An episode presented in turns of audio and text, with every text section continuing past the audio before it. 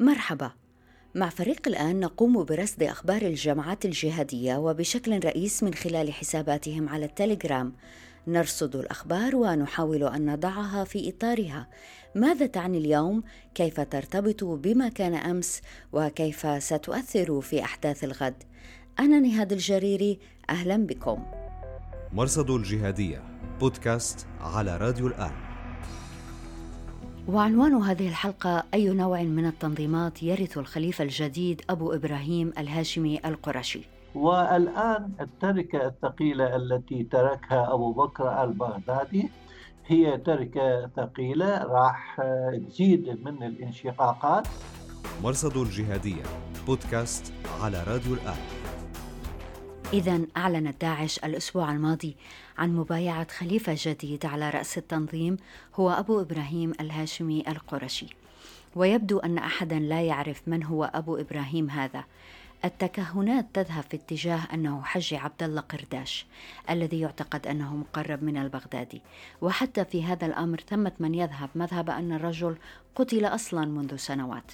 تقارير معلومات الاستخبارات العراقية آه، بأن بنت القرداشي هي آه، موقوفة ومحتجزة لدى الاستخبارات العراقية وأن والده والدها القرداشي قتل. ما بعد 2017 مراقبون آخرون وفي سيناريو لافت يرجحون أن الخليفة المعلن مهما كان هو مؤقت يؤسس لمرحلة ستأتي. الخليفة مؤقت اللي حتى يرضي جميع الفرقاء. ربما تتم مفاوضات ويتم مساومات بين الإرهابيين أعضاء تنظيم داعش من العراقيين وغير العراقيين ويتم التوصل إلى الصيغة المناسبة.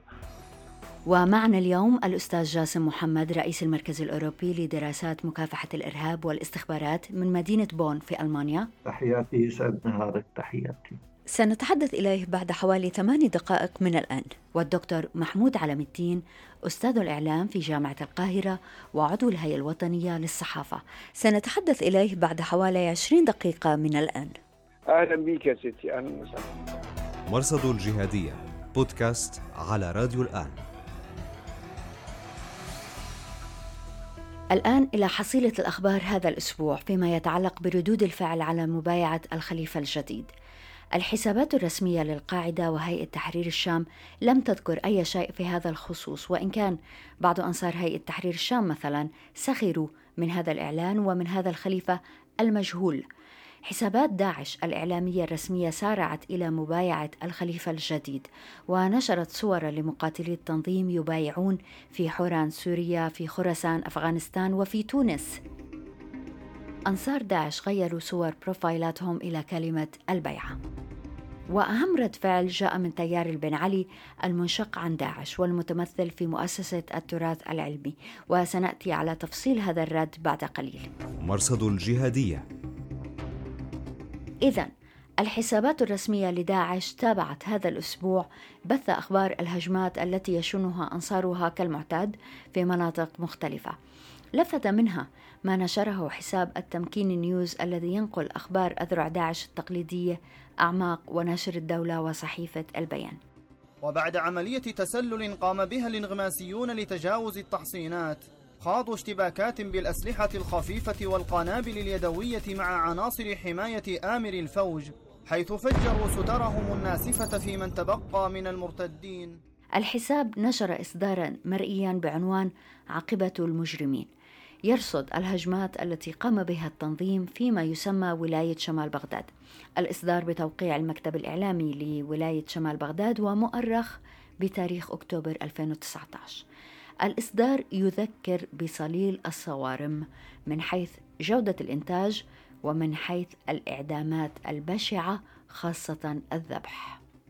أبشر يا شيخ لك جنود في شمال بغداد يجزون رأس الرافضة والمرتدين من أهل السنة. كما أورد الحساب كلمة لأبو مصعب الزرقاوي الأب الروحي للتنظيم تنظيم داعش تحت عنوان فتنة ضغط الواقع. وتزداد الفتنة وتعظم البلية عند قبض هذه الدعاوى بصبغة شرعية وتخريجها تخريجا فقهيا يعتمد الوسطية وينبذ ويحارب التشدد. الحساب كان أورد كلمة أخرى للزرقاوي قبيل الإعلان عن الخليفة الجديد وكان واضحا أنها تهدف إلى رفع معنويات أنصار التنظيم وتحثهم على الصبر. هذه الكلمة تسير في نفس النهج خاصة ما يتعلق بالتصدي لاتهامات التنظيم بالغلو ونحن نتحدث عن أيام الزرقاوي. متهمين إياه بالتطرف والغلو بل والإرهاب فضلا عن الخارجية. مرصد الجهادية. بودكاست على راديو الآن.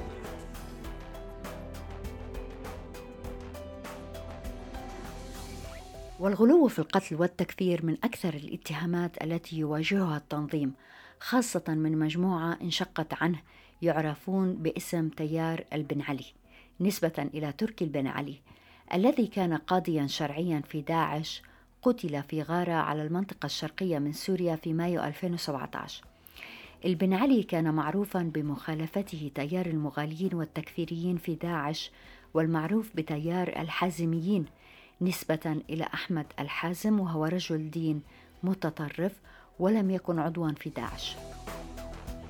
والبن علي كان له دور مهم في تدعيم حكم البغدادي فهو الذي كتب المطوية الشهيرة مد الأيادي لبيعة البغدادي. إذا لا أعلم بداعش من هؤلاء فهم منهم. انشقوا ولم ينضموا إلى أي تنظيم آخر أو يشكلوا تنظيما موازيا. يكتفون بالرد على داعش وتسريب وثائق من السنوات التي كانوا فيها يأتمرون بأمر البغدادي. وهذا ما يجعل ردهم على مبايعة الخليفة الجديد مهم.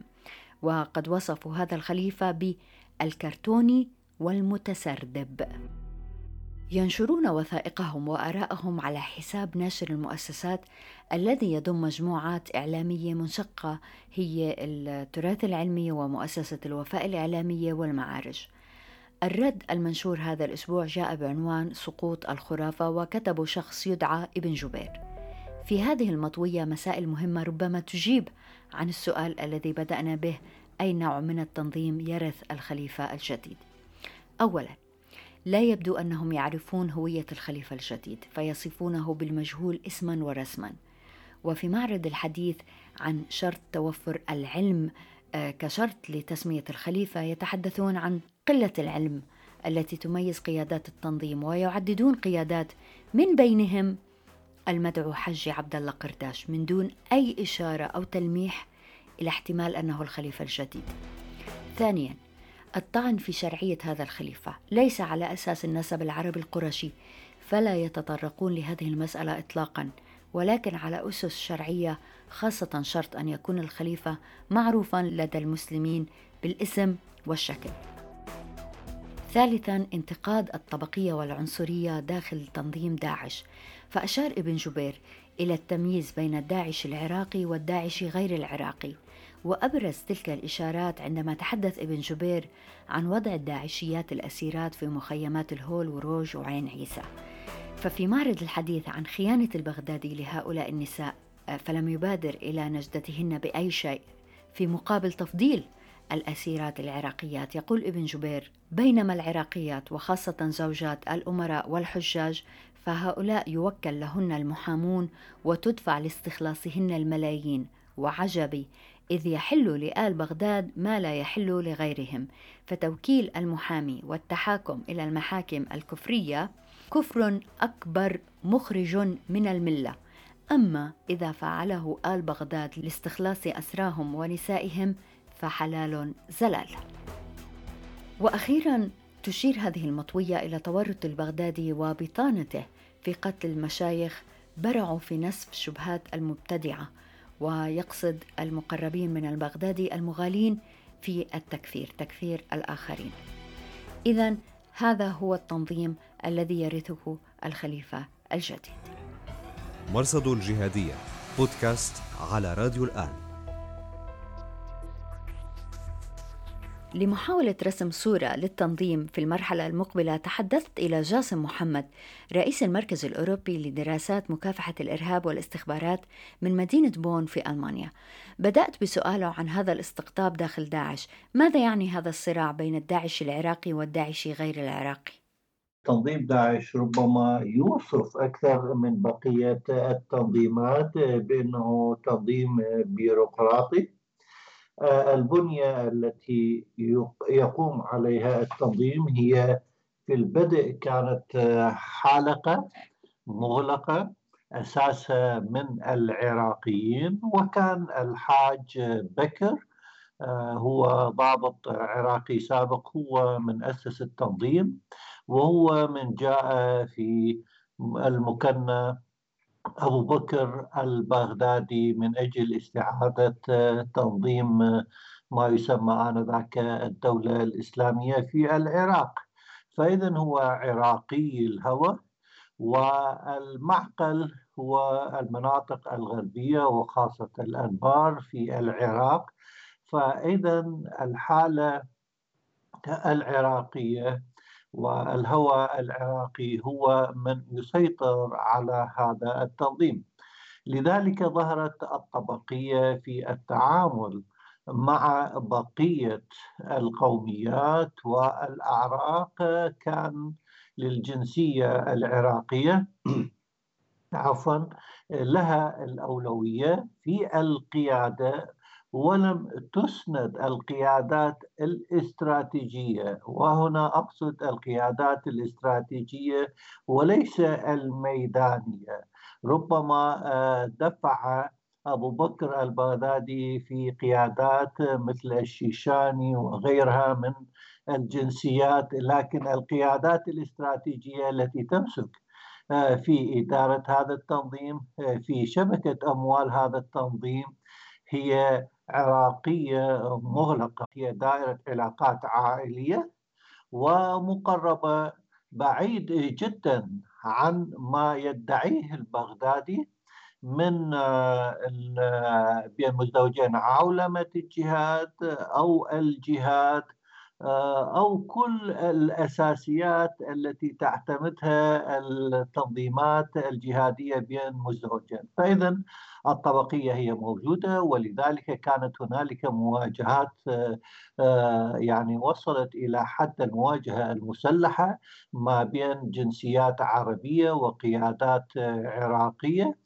والآن التركة الثقيلة التي تركها أبو بكر البغدادي هي تركة ثقيلة راح تزيد من الانشقاقات أستاذ جاسم لكن لماذا العراقيين؟ أي دور يلعب العراقيون الداعشيون العراقيون في المواقع الاستراتيجية؟ ليش العراقيين تحديدا؟ يعني وجهة نظري أنا الشخصية وتابعت هذا التنظيم منذ بداية نشأته أستطيع أن أوصفه أنه هو منظومة استخباراتية عسكرية مغلقة أكثر مما هو مجموعة جهادية متطرفة. طريقة التنظيم وطريقة تأسيس التنظيم من يراجعها؟ وعملنا على مراجعتها بصراحة هي مجموعة من العسكر الذين كانوا متضررين مصالحهم ما بعد 2003 وأنشأوا هذا التنظيم. و وجاء وجيء في أبو بكر البغدادي وقبل أبو بكر البغدادي أبو عمر البغدادي هم واجهه لكن أبو بكر البغدادي تحديدا جيء به ليقوم بدور يعني آه إمام أو مرجع ديني من خلاله يستطيع العسكر من الحصول على بيعات وفتاوى من رجال دين آخرين. فاذا كل منظمة كل مجموعة تحتاج إلى رجل دين أن يكون في الواجهة، للأسف اتخذ الدين واجهة، واتخذت العمامة واجهة في تنفيذ مصالح لمجموعة عسكرية تضررت مصالحها، هذا ما حصل في العراق.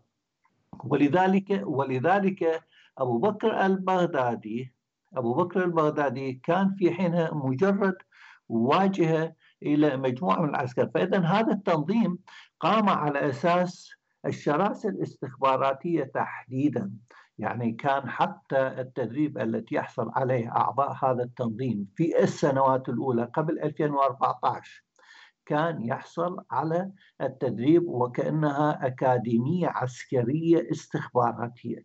تنظيم القاعدة كان يقوم على أساس الجهد أو يعني على القوة العسكرية. تنظيم داعش كان يقوم على أساس الجهد الاستخباراتي والقدرة الاستخباراتية. لذلك وصفناه بأنه يقوم على الشراسة الاستخباراتية. حتى منظومة الأمن أمنيات أمنيات تنظيم داعش لو دخلنا في أمنيات تنظيم داعش هي مؤسسة استخباراتية. يقوم على التجسس ومكافحة التجسس على أمن المنشآت وأمن المعلومات. وهذه الهيكلية وهذه الطريقة هي آه، موجودة في أجهزة الاستخبارات الشمولية في دول المنطقة. أستاذ جاسم بدي أسألك عن شبكة العلاقات هاي اللي أسس إلها البغدادي وضع يديه آه، على الأموال التنظيم.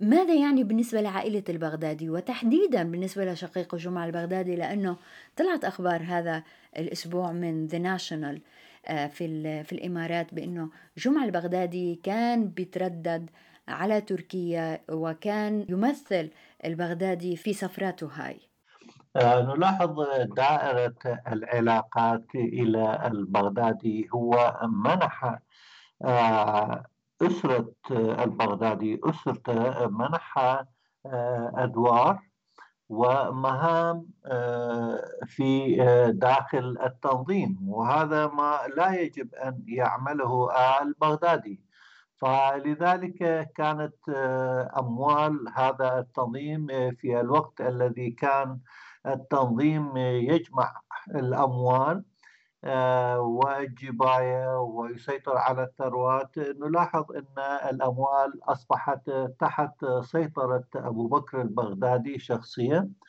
وربما حرم بقية القيادات والفروع والتنظيمات آه، في استغلال أموال تنظيم داعش. هو آه، وكل خاصة أشقائه كان في مسؤولية الحماية الشخصية وكذلك في آه، إدارة علاقات عامة إلى التنظيم مع أطراف إن هذه الأطراف ربما البعض منها كانت مهادنة إلى تنظيم داعش أو داعمة إلى تنظيم داعش. وهذا ما آه، أجد آه، يعني هذا المشهد ربما ينطبق على تركيا.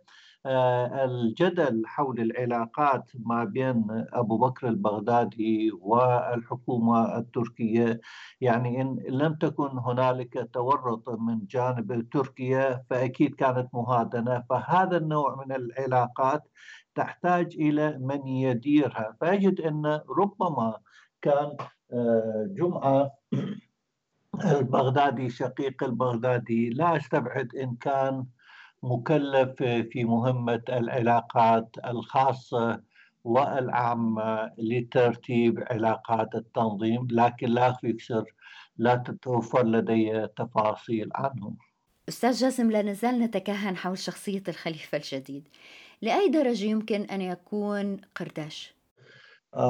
قرطاش هو آه، حسب التقارير بأنه هو آه، من أصول تركمانية من الأقلية التركمانية العراقية شمال العراق ربما تكون من تل أحفر وربما تكون من كركوك.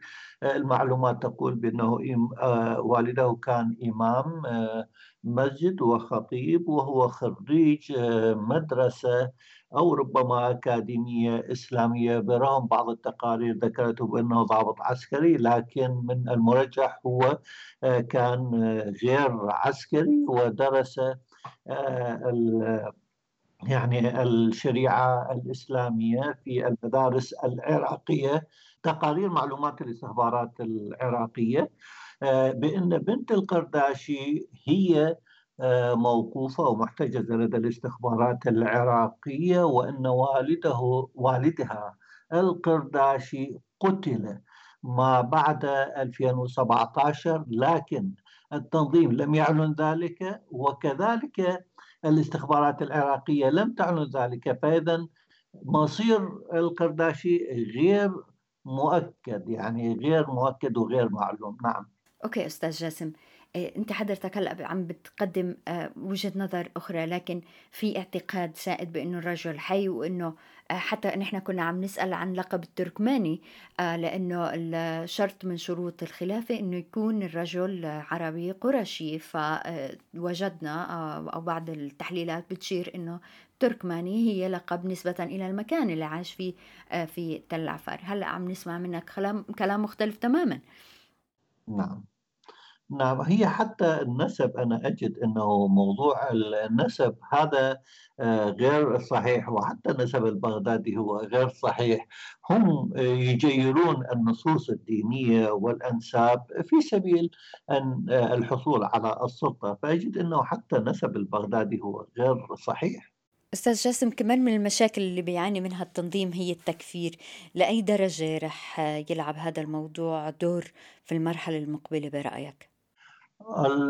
التنظيم ربما من أكثر التنظيمات الذي قام بتكفير الآخرين ولذلك كانت الانتقادات من منظري الفكر السلفي أبرزهم المقدسي الذي طالب البغدادي أو ربما طالب حتى ما قبل البغدادي باتقوا دماء اتقوا الله في دماء المسلمين. كان البغدادي أيضا يكفر المذاهب الأخرى يكفر الطوائف الأخرى ومن أبرز الطوائف أو المذاهب هو الذي قام بتكفيرها هو الشيعة. وهذا حدث انقسام كبير في المجتمع العراقي. كون إن هذا التنظيم جير نفسه على حساب مذهب أو طائفة معينة آه، وزاد من الانقسام داخل المجتمع. العراقي فاذا التكفير ربما هي واحدة من السمات التي ميزت هذا التنظيم وزادت من دموية هذا التنظيم. ولذلك آه، المشهد الدموي بسبب التكفير المشهد الدموي لهذا التنظيم آه، ربما هو آه، كان سائد. أكثر من بقية التنظيمات ومثل ما شفنا أنه حتى عملياته تقوم على أساس الصدمة والترويح إلى المجتمعات. على سبيل المثال مبدأ آه، العذر بالجهل أو من يجهل الأمور هذا هذا لا ينطبق على تنظيم داعش يعني هنالك آه، أحيانا من يجهل الأمور الشرعية لا يكفر أو لا يعاقب أو لا يقتل. على سبيل المثال آه، في أداء الصلاة مثلا آه، هنالك أناس يجهلون في في يعني في بعض الأمور. فعندما يجهل بعض الأمور بعض الجماعات الجهادية آه، لا تعاقب آه، من يجهل الأمور ويكون له عذر. لكن تنظيم داعش آه، لا يعذر أو لا يتقبل عذر من يجهل الأمور ويكفره ويعاقبه. وهذا كان موضوع الجلد وموضوع القتل. و يعني بصراحة كان الترويع شكرا جزيلا أستاذ جاسم محمد رئيس المركز الأوروبي لدراسات مكافحة الإرهاب والاستخبارات. شكرا جزيلا.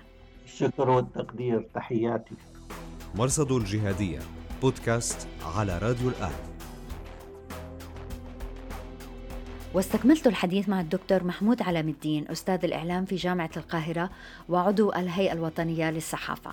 ومرة أخرى آه، سألته عن هوية هذا الخليفة الجديد. يعني أنا توقعي أنه يعني ربما يكون آه، نقدر نقول إيه يعني قائم بأعمال إلى حين اختيار خليفة جديد لسبب لأنه ليس له الماضي في العمل التنظيمي داخل داعش الذي يؤهله لذلك. أنا أعتقد أنه مجرد يعني شخص مرحلي ولكن هناك شخص آخر جاري البحث عنه ثم إعداده آه، فيما بعد يعني خليفة مؤقت؟ خليفة مؤقت اللي حتى يرضي جميع الفرقاء ربما تتم مفاوضات ويتم مساومات بين الإرهابيين أعضاء تنظيم داعش من العراقيين وغير العراقيين ويتم التوصل إلى الصيغة المناسبة. دكتور محمود خليفة مؤقت هذه السابقة يجب أن نتوقف عندها وهنا أسألك أي دور برأيك سيلعب شقيق البغدادي جمعة البغدادي آه، في المرحلة الجاي؟ آه، ربما يكون ربما يكون هذا هو الخليفة القادم بالفعل ربما ويتم تهيئته بعد أن يتم التعرض بالهجوم والنقد للخليفة الذي تم الإعلان عنه. هناك طريقة بدلا من أن تسربي أخبار أن فلان سيكون خليفة. لا تعيدي خليفة ثم تقولي لا هذا لم يحصل على الإجماع والإجماع ركن أساسي عند داعش كما قيل قبل ذلك.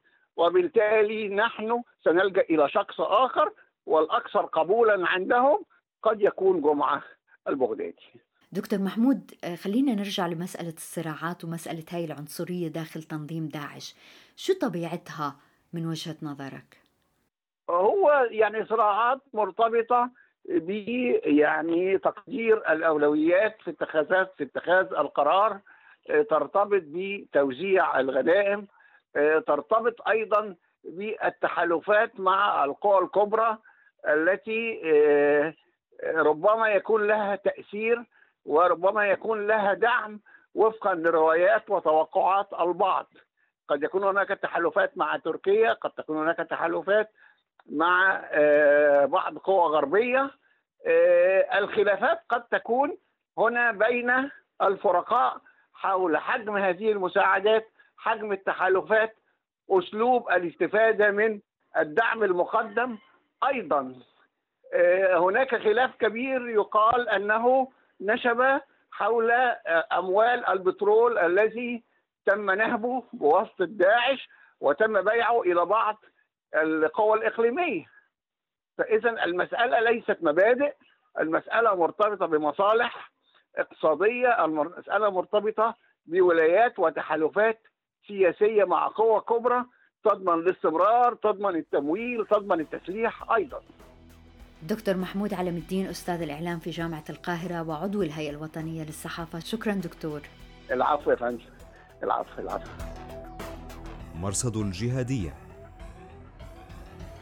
وشكرا لوجودكم معنا في راديو وتلفزيون الآن. أنا نهاد الجريري مع السلامة. مرصد الجهاديه بودكاست على راديو الآن.